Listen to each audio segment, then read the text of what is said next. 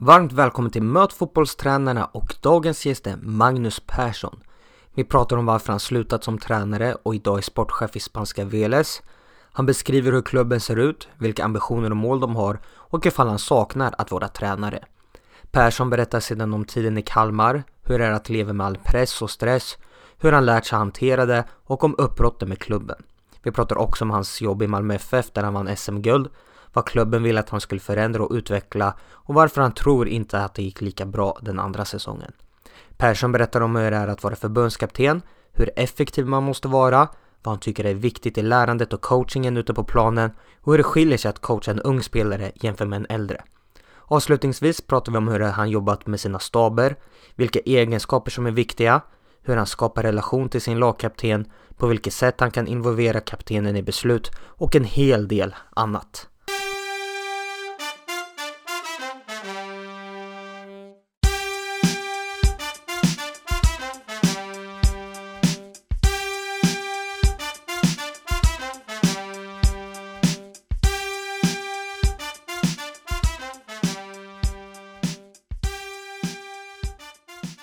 Ålder? 44. Familj? Ja, en fru och två barn. Morris och Leonie. Bor? Eh, bor i Skåne, i Bjärred, med familjen och har även lägenhet i Spanien. Och jag fördelar tiden ungefär mitt emellan. Och lägenheten i Spanien är i Fuengirola. Vi pratade lite om det innan vi körde igång podden här, så lite om din situation. Hur är det att vara ifrån familjen en del och bo i Spanien? Det är inte så jag vill ha det, men eh, vi gör det bästa utav, av situationen helt enkelt. Eh, jag tycker ändå, vi ses, eh, vi ses hälften av dagarna i, mån, i, i månaden eh, sen, sen det här började. Eh, så att, vilket då gör också att jag kan vara på plats här ungefär 20 dagar i månaden för att de kommer ner, kommer ner när, när det funkar. Så att, eh, det är ett så bra upplägg det bara går för att hålla familjen och mig själv och jobbet glada. När du är på plats i Spanien utan familjen, hur många timmar per, om dygnet skulle du säga att du lägger ner på ditt jobb? Eh, ja, egentligen den mesta tiden eh, skulle jag säga, fast, fast inte... Jag jobbar mycket, men jag, det är inte så att jag maxar och jobbar mer än vad jag gjort i hela mitt liv. Jag, jag, jag tycker att i, i rollen där jag inte är tränare eh, nu, utan, utan fotbollschef, eh, eller sportchef eller ja, Director of Football är, är titeln så, men det är ungefär som en sportchef i Sverige. Eh, så, så tycker jag att det är, ett, det är ett helt annat sätt att jobba än som tränare och jag tror därför att jag lägger lite färre timmar egentligen än vad jag gjorde som tränare. Bästa spelaren du har tränat? Eh, jag säger nog... Det är jämnt, jämnt skägg mellan Anders Christiansen och Ragnar Klavan som jag hade i, i Estland och som sen var i Liverpool eh, i två säsonger tror jag. Favoritlag? Eh, favoritlag? Bra fråga. Eh, jag tycker att eh, Liverpool spelar, har de senaste åren spelat den bästa fotbollen men jag har inte varit ett, ett Liverpool-fan genom åren utan men jag har mer följt tränare och lag som jag attraheras av. Vilka tränare är det du följer mer specifikt?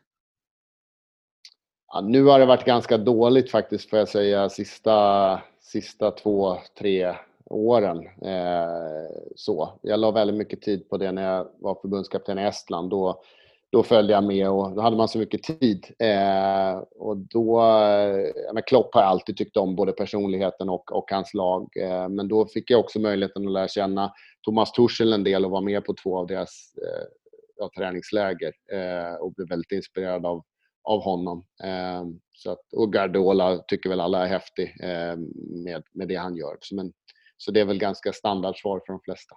Hur lärde du känna Tuchel? Ja, jag eh, fick möjligheten att åka ner på deras träningsläger genom att jag var förbundskapten och genom en kontakt i Estniska fotbollsförbundet. Och så fick jag, jag var med där nio dagar på deras träningsläger och följde det de gjorde eh, inför hans andra säsong.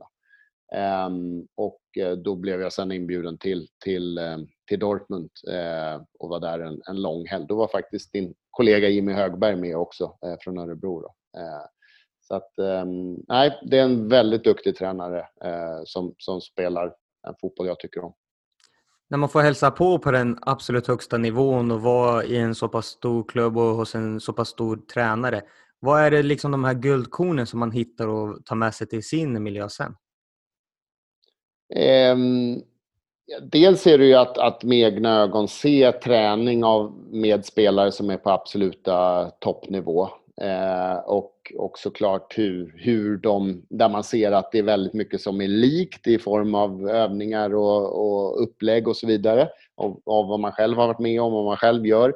Samtidigt som man ser att det är de här små, eh, alltså kvaliteten på de här spelarna gör att, att det som tränaren har i, i sitt, innanför, i sitt huvud och i sig själv är det blir mer effekt på det på det sättet att spelarna kan utföra väldigt mycket. Det blir inte så mycket misstag utan eh, bollen tas emot på rätt sätt och den, eh, ja, det är väldigt perfekt väldigt mycket. Så skulle jag säga.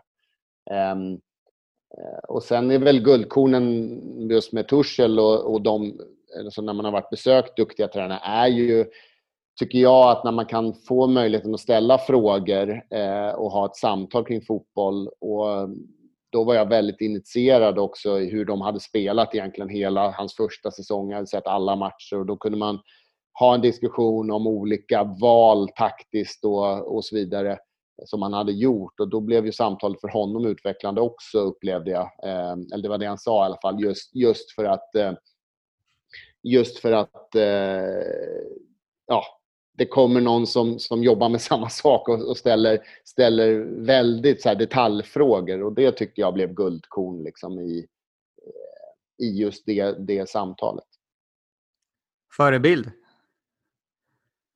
Eh, nej, jag har ingen, ingen eh, sån riktig förebild faktiskt. Eh, jag tycker att eh, jag kommer igen in på, på Klopp. Jag tycker att hans eh, väsen eh, som, som människa och den energi han, han visar och den inspiration han verkar ge till sin omgivning tycker jag är väldigt, väldigt häftigt. Eh, det är svårt att ta på vad det är, men det är inom fotbollen så är det något helt unikt.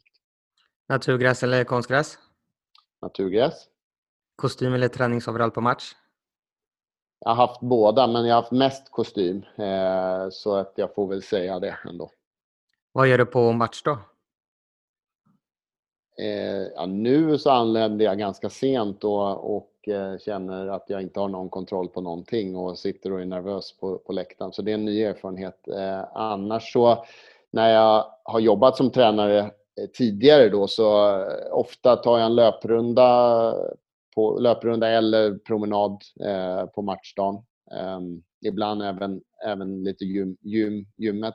Eh, jag tycker det har en bra effekt på att, på att känna att man är, ehm, kommer åt mer sin intuition och man är mer avslappnad och mer, mer lugn när man kommer till matchen. Och man, man, jag, jag blir mer i, i nuet genom att göra det. Eh, för det, det är väldigt mycket det det handlar om tycker jag när, när jag pratar om det sista budskapet till spelarna innan match men även under match. Att, att man uppfattar vad som hände där och då inte, inte alla förberedelser.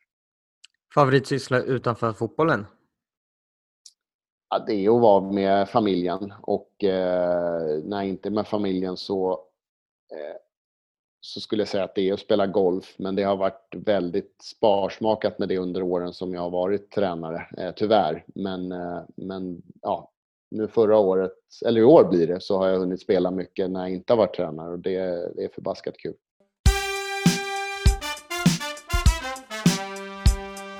Har du någon gång funderat på vad det är Messi, Suarez och proffsen dricker innan matcher? Det är yerba mate och det innehåller koffein, vitaminer, mineraler och aminosyror som ger en energiboost, ökad fokus, ökad mental energi samt förbättrad återhämtningsförmåga. Är du sugen att prova på det här så har du 10% med koden Daniel10 på matet.se. Jag skickar med en länk i beskrivningen. Stort tack till Matet som sponsrar podden.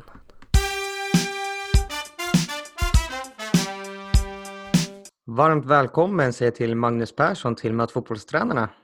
Tack så mycket. Kul att äntligen ha med dig. Vi har kanske pratat snart i över ett år om att få till den här intervjun så jättekul att vi kunde hitta en tid nu. Ja, absolut. Det känns kul och, och att tiden är kommen. du sitter i Spanien nu. I Örebro ja. idag så har det snöat. Hur ser vädret ut hos dig?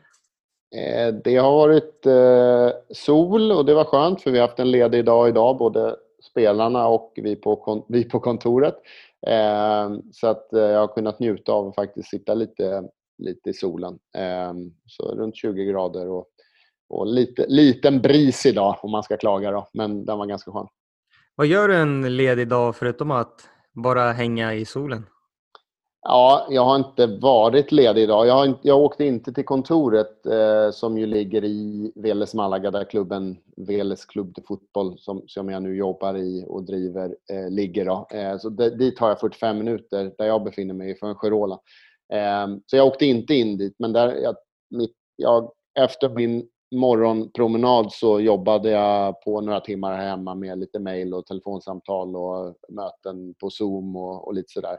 Och sen hade, jag, sen hade jag två timmar med en sen lunch och lite sol eh, innan jag hade igen ett, ett samtal och sen skulle jag träffa dig. Så jag, jag, har inte varit så ledig idag om jag ska vara ärlig, men jag har inte varit på kontoret i alla fall. Precis som du berättade så jobbar du idag i Veles och det blev ju officiellt i augusti. Hur kom det sig att det blev just den klubben?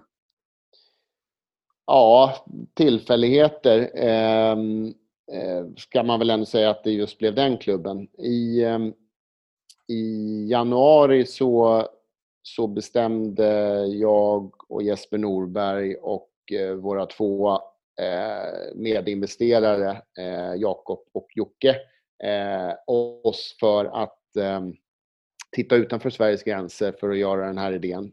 vi hade ju varit inom Sveriges gränser och försökt landade den i eh, drygt ett och ett halvt år eh, och vi trodde vi hade landat den i Kalmar men det blev inte på det sättet.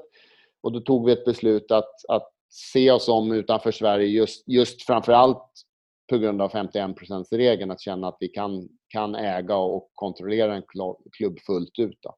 Ehm, och då är det klart att ska man, ska man då göra någonting över lång tid så behöver man också hitta ett attraktivt ställe där man kan försöka få med sig familjen och bo och bryta upp från, från Sverige där vi har haft det väldigt bra. Eh, och, så det gäller ju att mixa ihop något som är tillräckligt intressant fotbollsmässigt med att man också kan leva och bo och som kan attrahera även då ett intresse för, för eh, alltså mixen av det lokala intresset, det lokala samhället som ska gilla den här och stötta klubben ihop med att man skulle kunna få ett internationellt perspektiv och kanske framför allt ett svenskt intresse. Och då, då tittade vi, Spanien blev ganska snabbt liksom spansk, Spanien längs kusten och gärna nära en storstad. Det är klart, det var ju det optimala egentligen då, därför att du har en flygplats, du har kanske internationella skolor, du har kanske många svenskar som bor i området eller vill ta sig dit och så vidare.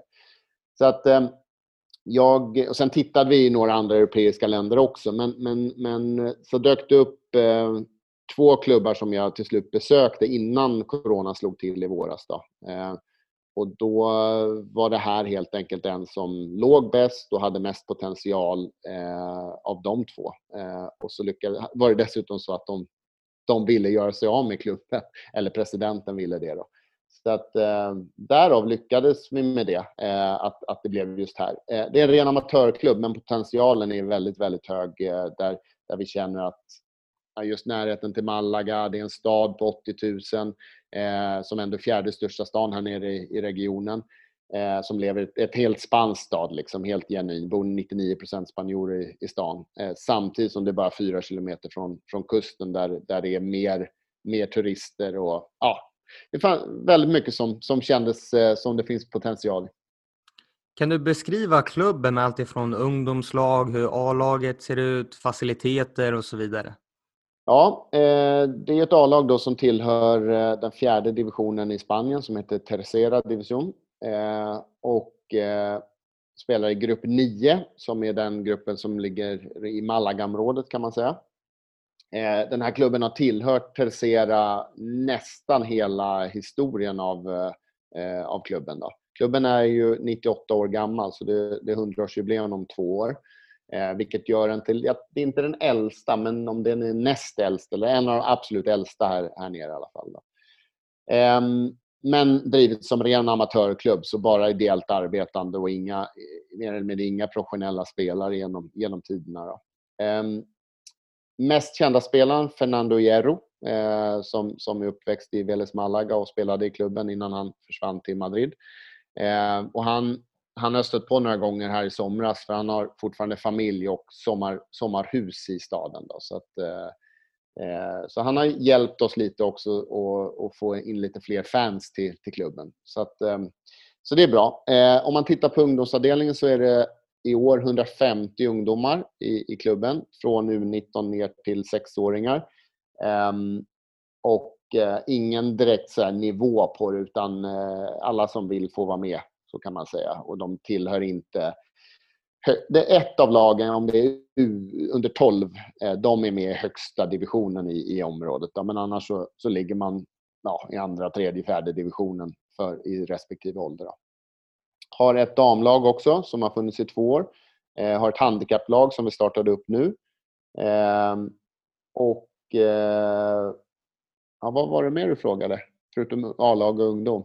Ja, lite hur faciliteterna ser ut för klubben. Faciliteterna? Ja, vi har ehm, eh, faktiskt imorgon, eh, imorgon fredag så är slutchecken eh, eh av det nya konstgräset som ligger på huvudarenan eh, eh, klart. Så vi gör vår första träning på lördag på, på den. Så man har bytt konstgräs efter 15 år. Så att eh, vi hade bra timing att, att eh, det gjordes nu. De har tjatat i fem år på det. Eh, den var helt fruktansvärd, det konstgräset. Då. Eh, så att nu är det jättefint och det ser skitbra ut. Så det är roligt. Eh, den tar 2 500-3 tusen, ligger mitt i stan. Eh, och när jag säger konstgräs så låter det kanske jättekonstigt nere i Spanien. Men det är faktiskt så på den här nivån så Eh, den här nivån och runt storstäder så är det mer lag än, än som spelar på konstgräs än, än de som spelar på naturgräs. Ehm, så att det är inte helt ovanligt. Sen har vi då, och där, där kommer vi bedriva hela vår verksamhet på den här arenan nu från och med lördag. Då. Ehm, och sen så har vi även eh, en, en naturgrässtadion där vi tillbringade försäsongen. Då, eh, som är en så här gammal med, med ehm, löparbanan runt. Och den heter just Fernando Hierro Stadium också. Då. Ehm, och den tar väl 5000 tror jag. Men det är en sån här...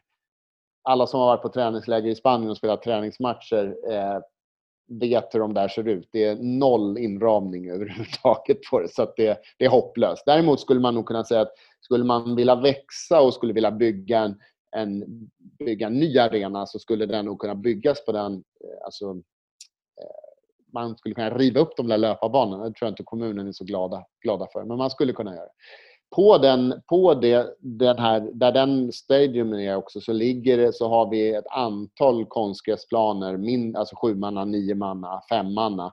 Eh, och det är liksom hjärtat av stan där alla åker och motionerar på kvällarna med paddel och tennis och handboll och, och så vidare. Så att, eh, Eh, det är en rätt häftig anläggning, men den är ju för, för breddidrotten och för alla motionärer, egentligen ungdomar. Då. Eh, sen finns det i kommunen även fyra konstgräs, fullstora konstgräsplaner till, varav en där vi har nu bedrivit den senaste tidens träning innan vi ska komma in på den riktiga. Så det är okej, okay, så kan man säga. Men det är ju, det, och vi, vår bedömning var att det här håller i någonstans eh, förhoppningsvis ja, tre, fem år till så kommer det här hålla utan problem och bedriva en bra verksamhet.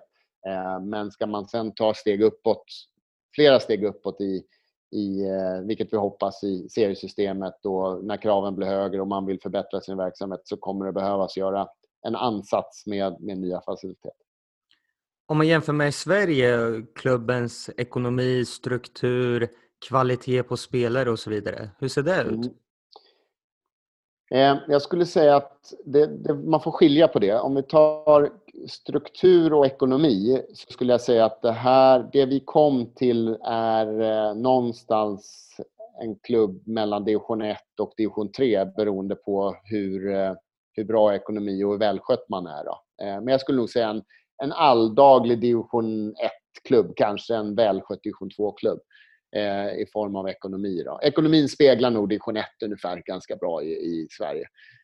Um, och Det är också beroende på att det inte finns några egentliga... Det finns bidrag från kommunen och det finns bidrag från förbunden men de är på väldigt låg nivå, ungefär som vi ser i Sverige då, i division 1. Um, ehm, däremot tittar vi på kvaliteten på spelare så skulle jag bedöma att, att vår trupp är ett, ett riktigt bra superettalag. Eh, där jag har ett antal spelare, eh, antal, det var fel ordval kanske. Eh, fåtal låter få. Men säg få, ett, några spelare i min trupp som jag inte skulle banga för att rekommendera för, för lag i allsvenskan på mellan och bottennivå. Finns det tankar på att ta in spelare från Sverige? Nej, det finns det inte. Vi har faktiskt fått eh, förfrågningar från konkreta från två allsvenska spelare och från en superettaspelare. Men vi har faktiskt valt fullt ut att välja spelare som pratar spanska eller, eller som eh, åtminstone kan förstå lite spanska och helst spanjorer. Jag har gjort, försökt göra det så bara enkelt vi bara kan för oss. Så det kan väl bli aktuellt längre fram såklart. Liksom. Men då, vi har väl sagt så här som alltid sådär jag tror så många tränare känner att om man kommer till en ny klubb, eh, oavsett om det är samma land eller inte, så tar man med sig någon som man har tränat tidigare så måste man vara väldigt, väldigt säker på att den spelaren levererar. Eh, eh därför annars så blir det din, e-, din, spelare du får ett problem med. Eh, det tror jag alla tränare vet om. Eh, och de som inte har varit med om det än, så är det en bra lärdom att, att man, ska man ta med sig någon man har jobbat med tidigare ska man vara väldigt, väldigt säker. Eh, och det är klart att när vi då översätter det till det här, eh, att komma som svensk till Spanien och ta hit en svensk spelare som inte förstår ett ord spanska, då ska vi vara oerhört säkra på att den spelaren är bäst i laget egentligen då, och att den tillför. Och, och vi har väl känt att även om vi skulle ha en sån spelare eh, så, så hade vi nog inte tagit det beslutet nu. För att nu handlar det om ett år där, där vi vill göra små gradvisa förändringar och inte... Och det här hade varit en stor att ta hit en svensk som vi då skulle ta hand om. Så att, eh, det kan bli aktuellt längre fram såklart, men inte nu. Du har vän med din kollega Jesper Norberg. Kan du berätta om era roller i klubben? Ja, förutom att vi då tillsammans med, som jag sa, Jocke och Jakob eh, eh, kontrollerar och äger klubben då. Eh, så vi är på en sätt ägare. Så, så har Jesper och jag är de som driver klubben här nere. Och där, vi gör ju egentligen alltihop, men vi har gjort fördelningen att jag är fotbollschef och, och mer är närmare laget och byggt truppen och agerat sportchef på det sättet. Och Jesper har varit mer åt vd-hållet och jobbat med eh, eh ja, administrationen, eh, ja, marknad och ja, he, he, den övriga delen egentligen. Men vi pratar ju liksom hela tiden så att vi, vi vi, vi försöker gå isär mer och mer för att bli mer effektiva. Men ska vara ärlig och säga de första månaderna har det varit så oerhört mycket att diskutera kring i och med att allt är nytt. Liksom. Så, att, eh, så det blir mycket, mycket diskussion för att ta rätt, försöka ta rätt beslut. Hur kom det sig att det blev just den här rollen för din del och inte en ny klubb som huvudtränare? Eh, vi var väldigt snabbt klara på att jag skulle inte dels så kan jag inte språket och då visst, jag hade kunnat förlita mig på att anställa bra assisterande. Det hade kunnat gå som, som, som, eh, som egentligen förde ut vad man, vad man ville. Men, men när man då ska bygga upp en analysorganisation, en scoutingorganisation, anställa varenda tränare och ledare till klubben och anställa alla spelare, för vi hade noll när vi kom in, så kände vi att, att jag dessutom ska hålla på och försöka slänga ihop träningar dagligen eh, med tanke på hur lång tid det brukar ta för mig eh, att, att försöka göra det bra och analysera motståndare och analysera oss själva. Det var helt omöjligt att få ihop det. Så därav var det valet väldigt enkelt. Saknar du att vara ute på planen någonting och instruera och hålla i träningar? Nej, jag har inte gjort det. Eh, nu var det ju eh, det var ju sedan ja, ett år tillbaka som jag gjorde det senast. Och när vi liksom hela projekteringen mot det här och även när vi kom in så, så har liksom, det har funnits så många andra saker att göra som har varit eh, väldigt ut, utmanande, utvecklande och väldigt kul. Så att därför så har jag inte, jag har inte haft tid att fundera på att jag dessutom skulle, skulle vara med och coacha. Så nej, eh, jag tycker det har varit väldigt kul att få det här perspektivet från, från sidan och se och försöka hitta mitt sätt att, att, eh, att successivt vad ska man säga, hjälpa tränaren att, att uh, göra ett bättre och bättre jobb. Vad tycker Veles tränare om att du är sportchef med din bakgrund som tränare själv? Känner han någon extra press när du står och tittar? Jag gör den här övningen på ett bra sätt, coachar laget rätt. Eller kan du nästan bli en mer förstående sportchef där du vet hur det är själv som tränare? Ja, jag kan ju inte svara på hur han känner innerst inne, men jag, jag tror att han är väldigt nöjd och glad utifrån att hela min approach, både vad jag har sagt från dag ett, från det att vi hade de rekryteringssamtalen med honom och från att han kom hit. Så den enda uppgiften jag har för honom det är att göra hans liv enklare. Eh, och, och, det är klart att han, i Spanien är, vi ju en, är det ju ännu mer än i Sverige hierarkiskt då, där, där tränaren bestämmer allt normalt sett och har runt omkring sig ofta på den här nivån inga människor runt omkring sig som har någon erfarenhet av att, av att leda ett fotbollslag. Så det är klart att det här är första gången i hans, han har varit tränare, hans sjätte år som tränare efter att han slutade sin spelarkarriär. Ehm, så det är första gången han liksom har någon som, som hjälper honom med allt det här som han normalt sett blir förbannad på och som inte funkar. Så att, eh, hittills har det funkat jättebra och, och vi hittar mer och mer samarbete.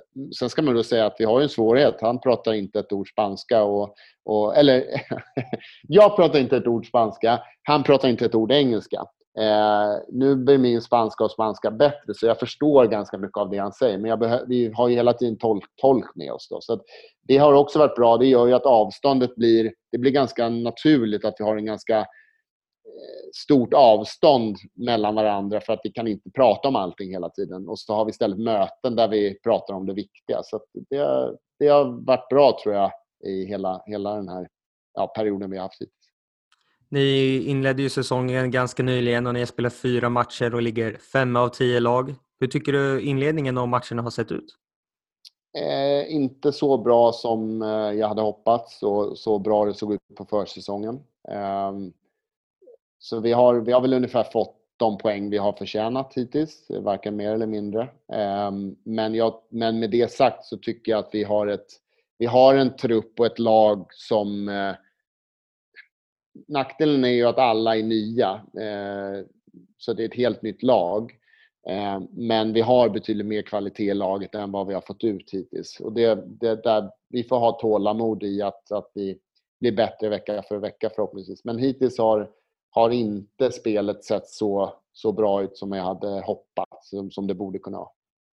Du har pratat om att ni vill ta klubben till eliten och du sa där förut att om vi kollar på de här tre till fem åren så funkar de här faciliteterna. Hur lång tidsplan har ni och vilka finns det för kortsiktiga och långsiktiga mål? Ja, vi har ju egentligen... Alltså om vi tar tidsplanen så då, först så kan man ju säga att vi har ju flyttat ner hit för att vara här i eh, väldigt många år. Alltså vi har pratat om ett tioårsperspektiv men, men det finns inte ett stopp för tio år utan eh, det är väl det som, som vi har sett som en framgångsfaktor i att kan du ha det perspektivet du har resurser, i alla fall på ett sätt som eh, gör att du är konkurrenskraftig med den, ja, det sätt du kan både ta hit spelare och bygga organisation och så vidare utan att ha ett överflöd. Plus att du förhoppningsvis har lite erfarenhet och kunskap om vad fotboll är och hur man, hur man ska jobba. Så, så är vi helt övertygade om att det inte går att misslyckas. Eh, så kan man säga. För det är ofta den där tiden som, som, och de här lappkasten som, som gör att utvecklingen stannar av. Eh, så det ser vi som en konkurrensfaktor och det är det vi har investerat i. Det var därför både Jesper och jag egentligen valde bort eh, ja, det vi har hållit på med i många år med, med tränarkarriär eller andra saker utan att göra något över tid och bygga en fotbollsklubb. Ehm, om vi sen då tar målen så har vi inte kommunicerat egentligen dem. Vi har, såklart har, har, har våra interna målsättningar av hur snabbt vi ska kunna avancera i seriesystem och så vidare. Men det viktiga är ju att bygga en klubb som är hållbar, det vill säga att vi, vi har ett, ett, sätt att ett arbetssätt som gör att vi bygger ett bra lag, att vi, att vi ekonomiskt växer på, på olika sätt, att vi är, en viktig del i samhället och så vidare. Och, eh, och att vi engagerar människor.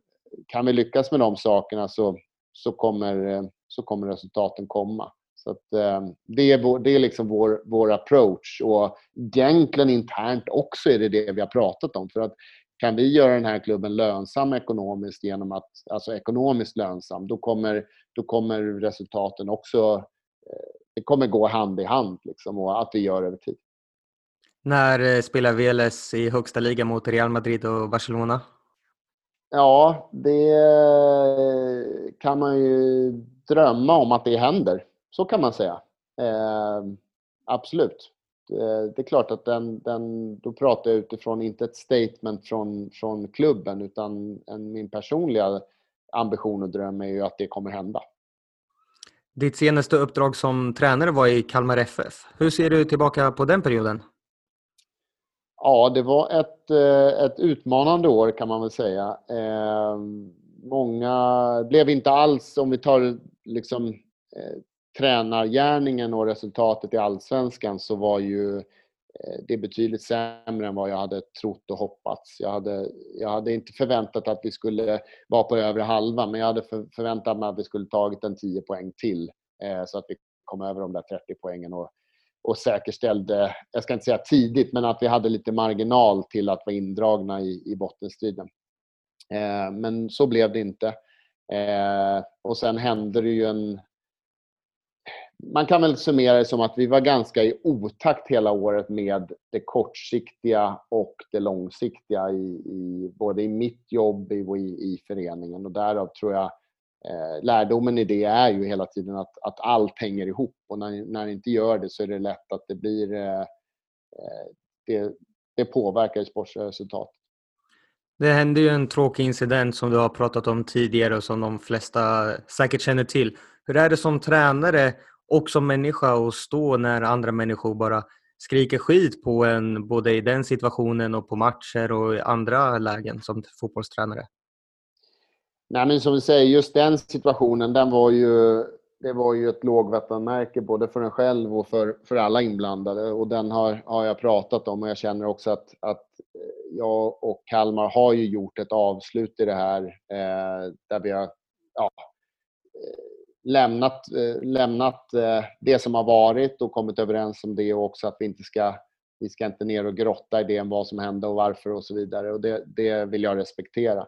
Ehm, eh, så om vi vänder det mer till det här alla åsikter och skrik och så vidare så är, har vi ju det är ju en kultur som är såklart, när man är i det, man bryr sig inte så mycket tycker jag, eller jag bryr mig inte så mycket som, som tränare när man är mitt i det, för man är så fokuserad på att laget ska prestera och man, jag är beredd att ta den, den skiten som kommer, hellre det än att det kommer till spelarna. Så känns det. liksom. Eh, men det är klart att om man zoomar ut från det så är det klart att det inte är någon att, att ha människor som tycker att det man gör är skit och som, som är just i ögonblicket känner det, det får man respektera samtidigt som det inte är så kul. Men, men det, det hör ju tyvärr, tyvärr hör till. Men, och ska man liksom zooma ut det så är det ju också ett, eh, det är ju inte bara i fotbollsvärlden utan vårt samhälle idag är ju väldigt mycket tyckande och det är väldigt lätt att skrika och tycka väldigt mycket eh, och höras eh, utan att man behöver ta ansvar för, för vad man, varför man gör det egentligen. På vilket sätt skulle du säga att du har lärt dig att leva med den här pressen och alla åsikter som finns på fotbollstränare? Ja, det är väl mer att, man, att jag har lärt mig det, att, att det är som det är. Eh, och sen kände väl jag eh, att både ja och nej. Jag, jag, har väl kommit så långt att jag eh, kan fundera på om det är värt allting det ibland. Eh, och samtidigt som att om jag skulle ta tränarutdrag igen, vilket jag tror att jag kommer göra någon gång. Jag tror inte jag har tränat mitt sista lag. Eh, så eh, den dag jag tar det så är det en del av gamet och det är bara att acceptera. Hur var det liksom första gången man stötte på något sånt här jämfört med idag? Nej, det har nog varit samma. Alltså, jag kommer ju också som en, från en spelarbakgrund, även om det är länge sedan nu, så, så, eh, så är ju det en del av hela elitfotbollen. Att man, det är ju det engagemanget också som, som det är ju den positiva att vi har en sån enorm, i Sverige då, en sån så supportrar är nära och de, de, är engagerade och de har byggt produkten. Så, att, så att det är ju det är en del av det. Eh, även om jag kan tycka att hatet kanske har tagit, fått ta lite för stort plats. Du valde ju att lämna Kalmar. Var det ett enkelt beslut?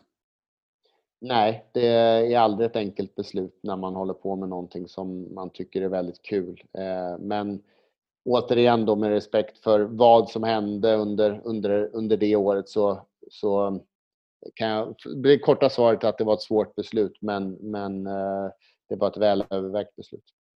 Efteråt så har man ju kunnat läst i media och sådär att ni hamnade i en tvist med klubben där du fick hjälp av tränarföreningen och Håkan Sandberg. Vad har han betytt för dig i det här?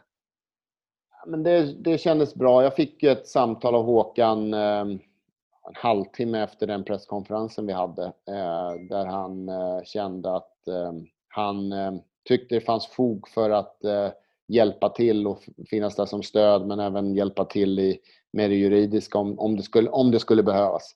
Eh, och nu trodde väl ingen av han och jag att, att det skulle dröja, ja vad dröjde ett halvår tills, tills vi var tills vi hade hittat, hittat ett, ett avslut som vi båda kunde leva med. Det var väl ingen som trodde det, men det var jättebra. Eh, vi hade mycket kontakt och, och Håkan har ju bra, bra erfarenhet både, från, både som spelare och tränare och, och sen då som eh, ja, han är inte jurist, eh, men ja, det kanske han är till och med. Jurist ja, men han är inte advokat i alla fall. Men juridiska frågeställningar i alla fall. Så det, det, var suveränt. Så jag, stort tack till honom och tränarföreningen.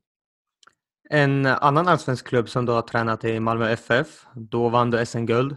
Hur högt rankar du det? Ja, det, är det, det är det bästa. Absolut. Eh, det är eh, både det roligaste året och eh, min, liksom, det, det bästa jag har gjort yrkesväg. Klubben vann ju även guld året innan. Hur är det att komma in till ett lag som precis har blivit mästare? Eh, ja, det är klart, de blev ju mästare för de hade ett väldigt starkt lag året innan. Och eh, jag fick ju ta över det laget och så blev det ju bara en spelare som försvann från guldlaget och det var ju Kari Arnarsson som lämnade och så eh, tog vi in Lasse Nilsen som fortfarande finns, finns kvar i MFF som mittback som jag hade haft tidigare i Ålborg. Apropå det jag haft spelare tidigare så, så var det en spelare jag kände väldigt säker på att han skulle hjälpa oss. Eh, och sen kom Pavel Cibicki tillbaka efter en utlåning till Jönköping Södra där han hade varit duktig. Så att det var ju ett intakt lag jag fick ta över och när jag säger det så är det klart att då, då, då, då valde jag att kliva in, att, att verkligen lyssna in vad det var man ville förändra i, i klubben och i, i, laget. Och de har gjort en tydlig utvärdering av det och det var ju också därför man letade ny tränare då för att man ville förändra vissa saker. Så det var ju det jag började jobba med egentligen då att, att eh, införa såklart mina idéer men, men väldigt koncentrerat mot vad som kunde förbättras utifrån, utifrån att man ändå kom från ett guldår. Så att eh, det var ingen revolution på något sätt utan egentligen eh, bara lyssna in vad, vad som kunde förbättras och så jobbar vi med det. Vilka var de här delarna som klubben ville utveckla och att du skulle förändra? Ja, men det var framförallt, eh, framförallt var det försvarsspelet, alltså tydligheten i, i försvarsspelet. Eh, hur, vi, hur vi skulle kunna pressa bättre och högre eh, och hur vi skulle kunna bli mer dominanta eh, i matcherna genom att, att ja, ta tillbaka bollen snabbare när vi har förlorat den. Eh, och sen i MFF så, så klart ska man vinna guld så måste ju eh, offensiven alltid, alltid utvecklas. Så, att, så att det hängde ihop med det. Men jag skulle säga att det var, det var det absolut viktigaste. Tydlighet som efterfrågades i, i, i framförallt försvarsspelet men även anfallsspelet, en struktur. Är det just tydligheten som du skulle säga är den största framgångsfaktorn till att ni lyckades vinna guldet? Alltså det, det är ju så att eh, man ska inte förringa tränarens betydelse men samtidigt är det ju, är det ju spelartruppens sammansättning som, som är off, det viktigaste och den var väldigt stark. Vi hade en väldigt bra trupp. Eh, och sen tror jag då att, att jag lyckades det året eh, se min roll i det, att, att eh, jobba med, eh, med utvalda saker samtidigt som spelarna vi fick ut mycket av, av deras egenskaper, eh, av de duktiga spelarna. Eh, sen är ju MFF, alltså, hela den organisationen runt omkring, det är ju det är därför de vinner år på år ihop med att man har mycket, mest pengar och, och de bästa spelarna är ju att det andas ju bara att man ska vinna. Eh, och det, tyck, det är den största anledningen till att vi vann det året, liksom att de vann i år också. Det och spelartruppen därför att Ehm, man kan inte vinna varje år, eh, för det, det, kommer alltid gå upp och ner. Men, men den kulturen att jag har aldrig varit på ett ställe i hela mitt liv egentligen eh, där jag har känt mig mer hemma. Att, att, att alla tänker att det är bara att vinna och att, att göra sitt, all, sitt absolut yttersta att bli bättre hela tiden.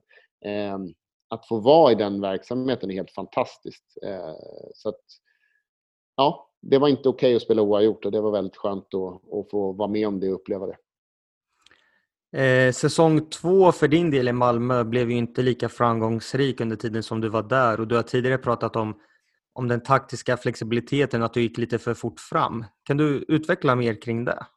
Mm, nej, men det var väl en sak, eh, om vi börjar kring det så, så kände väl jag att om, om vi tar mitt 2017 när vi vann guld så, så var det väl egentligen en 7-8 månader där vi var där var väldigt konsekventa i, även om vi gjorde justeringar mellan matcher och så vidare, så var det ändå en, en ganska så här repetitiv träning och, och eh, visst, vi justerade lite startelvor och gjorde lite justeringar, men, men det var egentligen efter 7-8 månader som vi som jag satte med en startelva och började även i matcherna att taktiskt med de spelarna som var i startelvan eh, eh, optimera ännu mer för att just vinna nästa match och, och sikta in oss på svagheter hos motståndaren och hantera eventuella styrkor och så, men utifrån en, en ganska fast startelva.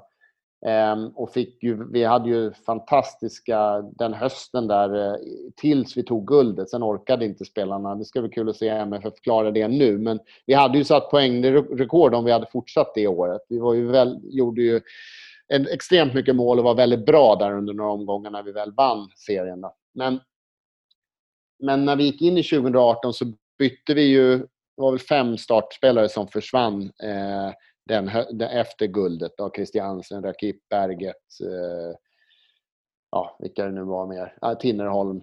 Eh, Jotun hade försvunnit, Magnus Wolf Ekreim hade försvunnit. Han var ju inte startspelare, men en, en jäkla bra inhoppare. Eh, så att där kände väl jag att det som gick fel var, jag var medveten när vi gick in i försäsongen, nu måste vi börja om från scratch, vi måste jobba på samma sätt, vi behöver bygga en helt ny, en helt ny grupp för att vi har många nya spelare. Och jag tror att min fälla nu i efterhand var ju att vi, vi vann ju varenda match i kuppen och på försäsongen under januari, februari, mars. Eh, vi var ju, hade 11 raka segrar tror jag. Eh, och de hjälper ju inte ett skit när man sen då fick eh, fyra förluster som vi fick eh, innan serien började på de första nio matcherna. Eh, men för mig var det ju så att när man, när vi då, jag tyckte ju att redan i, i, mars när vi gick in i kuppen och vi, vi, var så, vi fungerade så bra och mina taktiska direktiv och förändringar och så vidare som vi gjorde funkade hela tiden. Eh, och vi gick in i allsvenskan och slog Elfsborg borta med 2-0 och där vi, där vi också liksom gjorde en rätt stor korrigering inför den matchen bara för att, att eh, slå ut Elfsborg på bästa sätt, vilket vi fick supereffekt på. Men när vi sen då i omgång fyra eh, förlorade mot Djurgården eh, med 3-0 borta, tror jag det var. Då hade vi, då hade vi fem poäng efter de första fyra matcherna, vilket med MFF mått är för dåligt och vi hade förlorat den matchen. Då kom den tvekan eh, hos spelarna eh, och framförallt då var det en tvekan i gruppen när, när det här pff, vindpusten som kommer i MFF, när du, då hade vi kryssat två matcher. Vi vann första, kryssade två, sen förlorade en tredje. Och den pressen som kommer då, den, den blev jävligt stressande för laget. Och där känner jag att jag som tränare hade då, då hade vi inte de här fasta ramarna där vi hade gjort exakt samma sak i, i eh, fyra månader. Utan jag hade för tidigt börjat, börjat justera i saker och, och så vidare. Och det, var, det hade jag velat göra annorlunda idag. Sen om det hade gjort någon skillnad, det vet jag inte. För vi kanske hade hamnat i det där ändå. Eh, det vet man inte. Men jag tror att den där mentala aspekten för, för spelargruppen och sen efter kanske två, tre matcher till där, där vi vann någon och spelade någon oavgjord och så vidare. Den påverkar mig också. Att jag skulle då hitta tillbaka till grunden. Och i MFF när det kom matcher, två matcher i veckan eh, och en kuppfinal på det som ju låg oss, låg oss i fatet nästan då. Det hade varit bättre att vi hade åkt ut tidigare. För att, men nu hamnar vi till slut i en vecka där vi hade där vi hade förlust Göteborg hemma, cupfinalförlust och sen åker ner tredje matchen på vecka och torskar mot Trelleborg. Sen var det färdigt i mitt i det där som tränare hitta tillbaka till några grunder eh, eh, med den pressen på att vinna varje match. Det, det var det som blev... Så det är det jag försökt säga att lärdomen är att, att vi skulle sett träigare ut, vi skulle förlorat tidigare på försäsongen för att vi skulle fått den där blåsten som kommer i MFF tidigare och att vi då inte hade så många variabler att spela med. För, för mig förenklar det då var svårt. Hur brukar du jobba när det kommer till att implementera en spelidé och kunna bygga på delar hela tiden? Det beror ju på var, var man kommer, men, men lärdomen är ju att, att eh, sätta enkla principer i alla spelets delar. Eh, och att när man känner att de eh, börjar se, och det tar alltid längre tid än vad man tror egentligen. Eh, men det är ju det som skapar en stabilitet. Alltså, så är det och där tycker jag ändå att att sätta försvarsspelet och att sätta omställningsspelet, då har du byggt liksom en, en identitet och, och, eh, och en, en, möjlighet att sen kunna... Det är alltid anfallsspelet som tar längst tid att sätta. Eh, men har du det i grunden och du kan alltid lita på det, då kommer resultaten bli okej okay, så att du ger dig själv tid att, att bygga på saker i, i anfallsspelet. Så skulle jag säga. Förutom att träna klubblag har du även varit förbundskapten och det är för Estland. Hur mm. ser du tillbaka på det? Väldigt eh, häftig upplevelse. Tre eh, år där eh, jag fick eh, pröva på det och fick ett, ett, internationellt perspektiv som jag aldrig hade fått annars. Såg väldigt mycket fotboll i länder som live och, och även via video och besökte spelare i länder jag knappt hade varit i tidigare och, och som man bara hade ett hum om hur ser fotbollen ut där. Byggde på ett väldigt bra nätverk eh, kring människor i, i fotbollsvärlden. Eh, var häftigt hur välkommen man var överallt för att man var förbundskapten. För plötsligt var man inte ett hot i någon klubb utan man var bara en, en ärofylld gäst som alltid var inbjuden. Eh, vilket ju ibland, vi pratade om eh, om Tuchel här tidigare. Jag menar, det gjorde ju att man kunde komma in på, på ett, eh, träningsläge med Dortmund. Det hade jag inte gjort om jag hade varit tränare i ett annat lag. Liksom. Så att, eh, Ehm, och sen fanns det ju oerhört mycket tid att jobba med sitt egna spel och hur förbereda de här landskamps eh, 7 till 10 dagarna man hade. Hur kan vi optimera varje möte, varje träning, varje analys etc. Ehm, så att det, var, det kändes som tre år, tre års av nätverkande och djupt grävande i sig själv som fotbollstränare. Eh, faktiskt.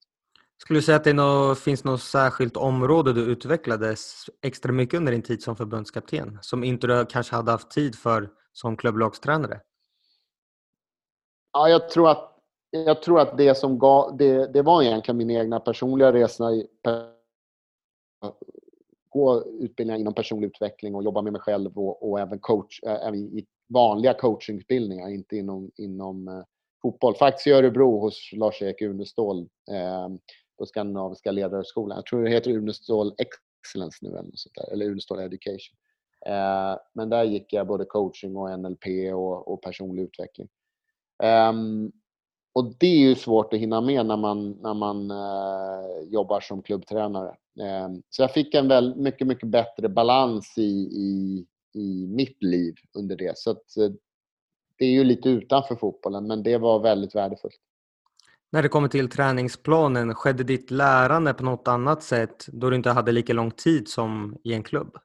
Ja, stor skillnad. För att eh, träningarna var antingen återhämtningsträning på planen för att spelarna kom från landskamper eller från, från klubbmatch på söndagen, ofta lördagen eller söndagen och sen flög de och så kom de och så skulle man få dem fräscha till, till första matchen. Eh, och mellan matcherna var det alltid två dagar i princip. Då. Så, att, så att det var ju det var ju att försöka kombinera en, en återhämtande träning ihop med, eh, med att taktiskt eh, repetera grunderna i vårt spel. Då. Så att, eh, det gick inte att göra några större utsvävningar om man säger så. Så därför var ju mycket lärandet var på individnivå. Att ge, ge feedback till spelare, eh, både mellan landskamper men också i, i de här samlingarna. Att sitta med dem själva och fånga upp var, var är de, hur mår de, eh, hur kommer de in i den här samlingen och deras uppdrag för kommande match. Då. och sen på lagnivå så försökte vi jobba, jag försökte, fel ord, så jobbade vi väldigt mycket med, eh, med eh, alltså mod, vi kallar det modelleringsklipp. Hur vill vi att laget ska uppträda, uppträda i olika situationer, i olika, de olika skeendena av spelet. Då. Eh, för att, i och med att vi inte kunde göra det på plan, så försöka repetera, repetera det. då. Ehm, så väldigt mycket bilder på oss själva, mer än på motståndaren, på nästa motståndare, bara för att försöka, försöka få in det. Ehm, vi jobbade faktiskt en del med visualisering också. Ehm, det var ett test eh, med, i en kultur där mental träning är kanske inte det mest vanliga. Och det var väl för vissa spelare jättebra och några som inte tyckte det var lika bra. Efterhand kanske det var fel, eh, sådär att, att eh, det var att ta det för långt. Men samtidigt så läste nu en artikel om Färöarna där Håkan Eriksson jobbar med dem, har gjort det väldigt bra och jobbar med, med det. Så att, det handlar nog mycket om vilka resultat man får och också vad som, vad som blir en framgångsfaktor och inte. Hur skulle du beskriva dig själv som instruktör och vad tycker du är viktigt i lärandet och instruktionerna ute på träningsplanen? Ja, det var ju en bred fråga. Om jag ser mig själv så, eh, så är jag, har jag varit i de flesta tränaruppdrag jag haft eh, klart hands-on i både att, att organisera eh, övningar och ge anvisningar och även coacha. Eh, där jag eh, kan väl tycka efterhand att jag, jag borde ha coachat mer och jobbat med mindre organisation och anvisningar och låt, låtit mina assisterande göra mer av det. Eh, det har de gjort, men jag hade nog velat eh, om jag tittar på mig själv så är jag ganska analytisk och kan se spelet ganska enkelt. så. Eh, och då borde jag också fokusera min coaching mer på det än att, än att driva övningar, om man nu ska säga så. Eh, det tror jag också hade, hade, som alltid som tränare så tycker jag att, att när man blir, när man är, pratar för mycket så blir det lätt ett brus av det. Eh, där jag tycker i mina bästa stunder kan vara duktig på det och kan vara väldigt hands-on både kring lagets form och, och så vidare samtidigt som jag kan ge individuell coaching och då är jag vass och bra i det men, men kan ibland tendera till att, att, att använda för mycket ord i, i och då, då, då faller den där edgen, edgen bort. Då. Så att, um, i bra stunder tror jag att jag är en duktig, duktig tränare men i dåliga så tror jag att jag ibland kan ge för mycket information. Hur skiljer det sig att coacha en spelare som är mycket yngre jämfört med en äldre? Om vi tar exempel i Malmö när du hade Marcus Rosenberg och en ung Mattias Svanberg. Det skiljer sig såklart, gör det ju det, därför att den äldre spelaren oftast eh, är mer, kan mer och är mer erfaren och har lösningarna själv. Eh, och det handlar, handlar mer om kanske en, en eh, råd och tips och en diskussion och, och eh, jämfört med unga spelare så blir man ju mer en lärare där man, där man eh, ställer frågor fast på ett annat sätt och ibland ger direktiv. Då. Eh, men samtidigt så, så, så, tycker jag ibland att, att, att eh, det, är fel, alltså det är fel att skilja så mycket på det därför att det är fortfarande så att min erfarenhet är att i dåliga tider så tjänar du på att alltid ha kvar lite av den här lärarrollen där du är den som som eh, utbildar spelare oavsett om du är 35 eller om du är 19. För går det för mycket åt det här mer managerhållet så i de svåra tiderna så är det svårt att gå tillbaka till den här lärarrollen. Det, det, jag ska inte säga att det tangerar det jag sa innan kring MFF-delen men det, det, är ändå, det är ändå lite samma tema. Att ska du liksom vara solid och, och klara av de svåra tiderna så behöver du så behöver du vara kvar mycket i det här repetitiva och där du själv är en lärare som, som hela tiden driver processen och inte lämnar över det bara till, till eh, spelarna. Hur skulle du säga att du har hanterat spelare som kan vara svåra att nå och svåra att coacha? Ja, det har väl varit olika. Alltså, man får, jag har väl bara försökt hantera spelare på olika sätt. Man prövar man har ju ofta någon typ av intuition och känsla av att den här spelaren behöver jag ge ett tydligt budskap och den här kan jag mer en diskussion och låta dem komma med, med svaren beroende på lite människotyp och, eh, och så. Så där tror jag man, jag tror att jag har lärt mig genom åren egentligen vad, vad som funkar. Men där är jag nog mer så jag ganska orädd i att testa mig fram. Jaha, okej, okay, det funkar inte bra, då prövar vi så här nästa gång. Så jag upplever inte att jag har haft eh, jag upplever, såklart jag har haft konflikter och jag har funkat bättre med vissa och sämre med vissa spelare genom åren. Men jag har haft väldigt svå, få spelare där, eh, där vi har hamnat i total frontalkrock. Eh, och det är väl tecken på att jag har liksom lyckats... Eh, Ja, jag har prövat mig fram liksom till, till att hitta lösningar som funkar på ett hyfsat sätt. När det kommer till din stab, hur mycket har den förändrats genom åren du har jobbat? Har du haft med dig någon som du har jobbat med i flera klubbar eller har de personerna alltid bytts ut? Ja, mer eller mindre. Nu har jag varit på ganska många ställen och jag har haft en ambition på att försöka ta med mig människor som jag har funkat bra med. Men det, i och med att jag har hållit till mest i, i eh, eller mest, Estland och i Skandinavien så eh, har vi ju en, en, eh, en ekonomi och en, en, kultur där man väldigt sällan tar med sig stora staber. Det är ofta att man kan ta med sig en och möjligtvis två, men det är ju ganska ovanligt att kunna ta med både en och två.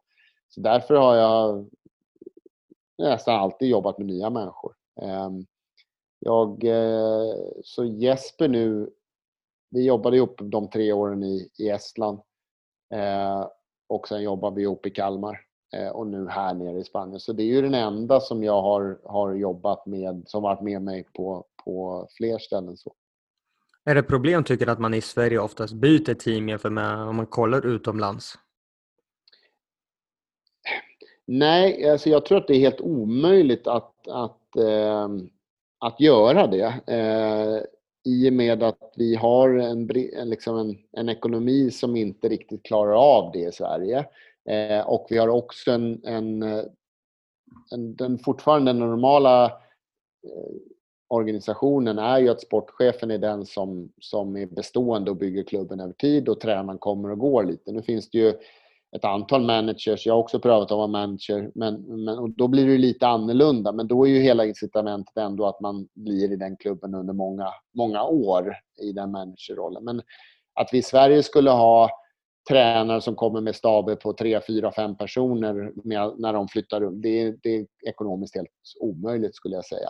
Eh, däremot så kan jag tycka att, att, eh, att få ta med sig en person som tränare som man alltid kan lita på. Det, det skulle jag säga att det finns det tror jag för klubben är bra därför att då vet som anställer, då vet klubben att tränaren har en person som alltid kommer vara med honom och om tränaren får sparken så får den assisterande sparken också. Vilket gör att man vet att den här personen, de hänger ihop och, och tränaren vet att han alltid har en han kan lita på till 100% När du inte har den personen med dig så är det ändå så att den assisterande tränaren som börjar känna att shit, nu är resultaten inte riktigt bra här det kan kanske hända någonting. Den kommer, även om den är 100% lojal med huvudtränaren, så kommer den omedvetet någonstans ändå känna att jag kanske inte tar alla fighterna rakt ut därför att om den här tränaren får gå så, så har jag ett, jobb, ett eget jobb att ta, ta hänsyn till. Där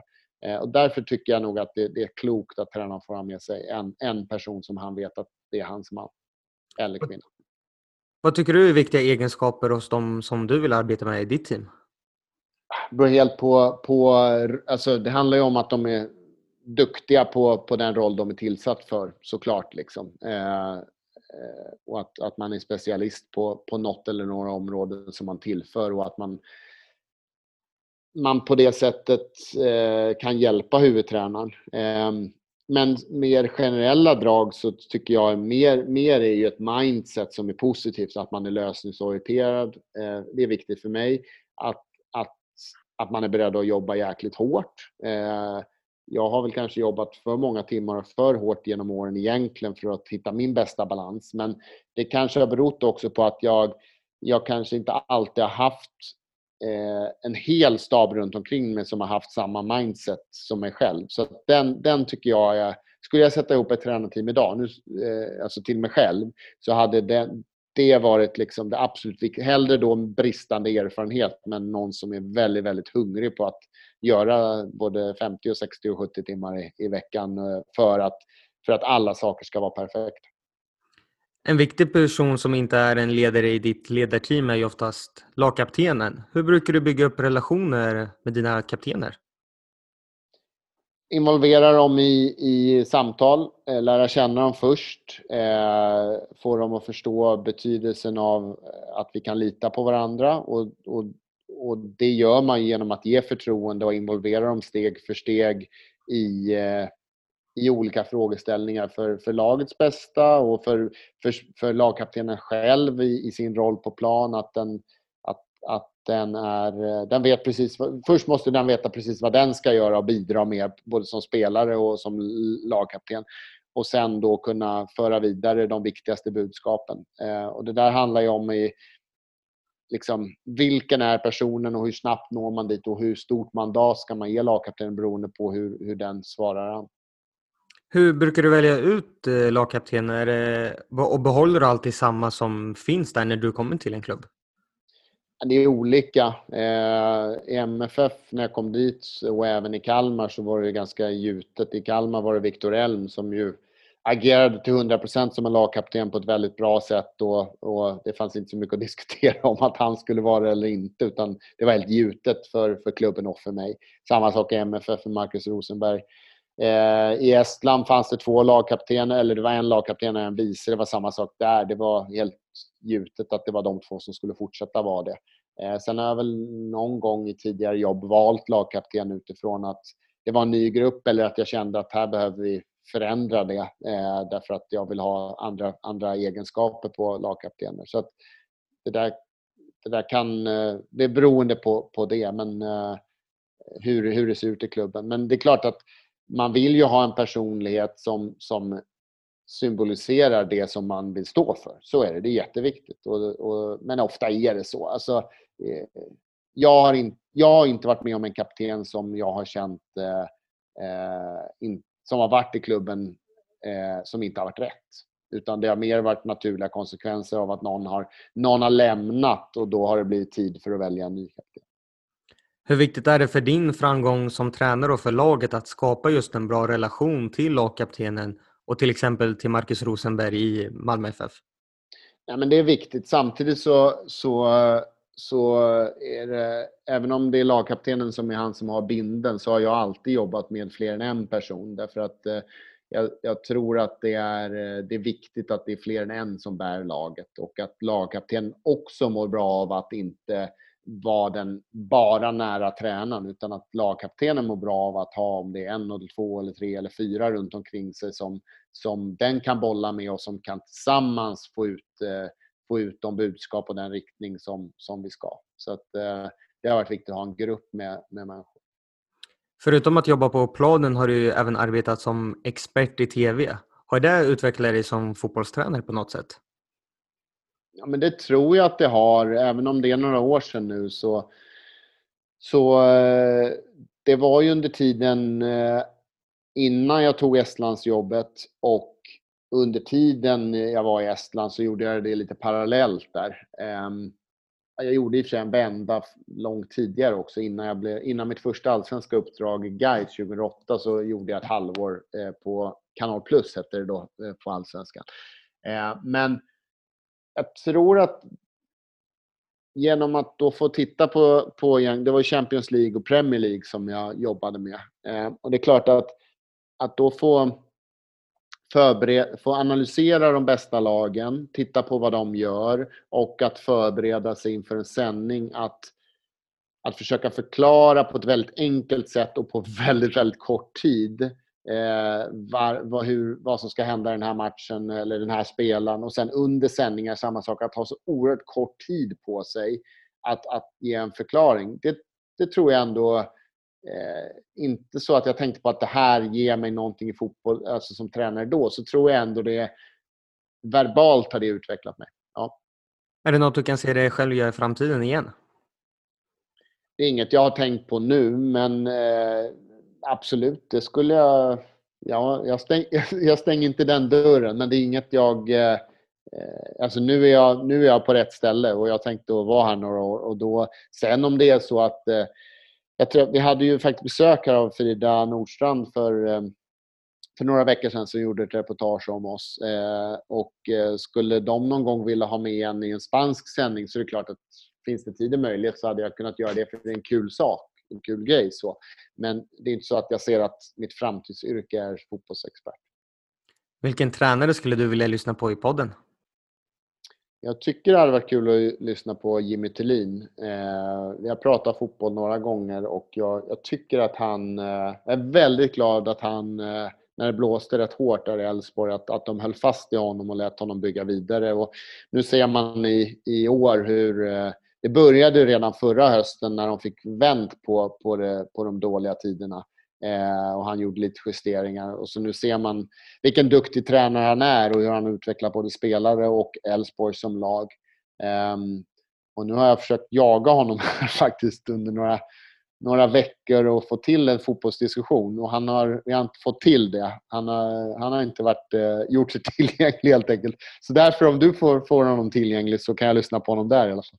Jag ska göra mitt bästa. Ja, det är bra. Stort tack Magnus att du tog dig tid och ville gästa podden. Tack så mycket. Det var kul.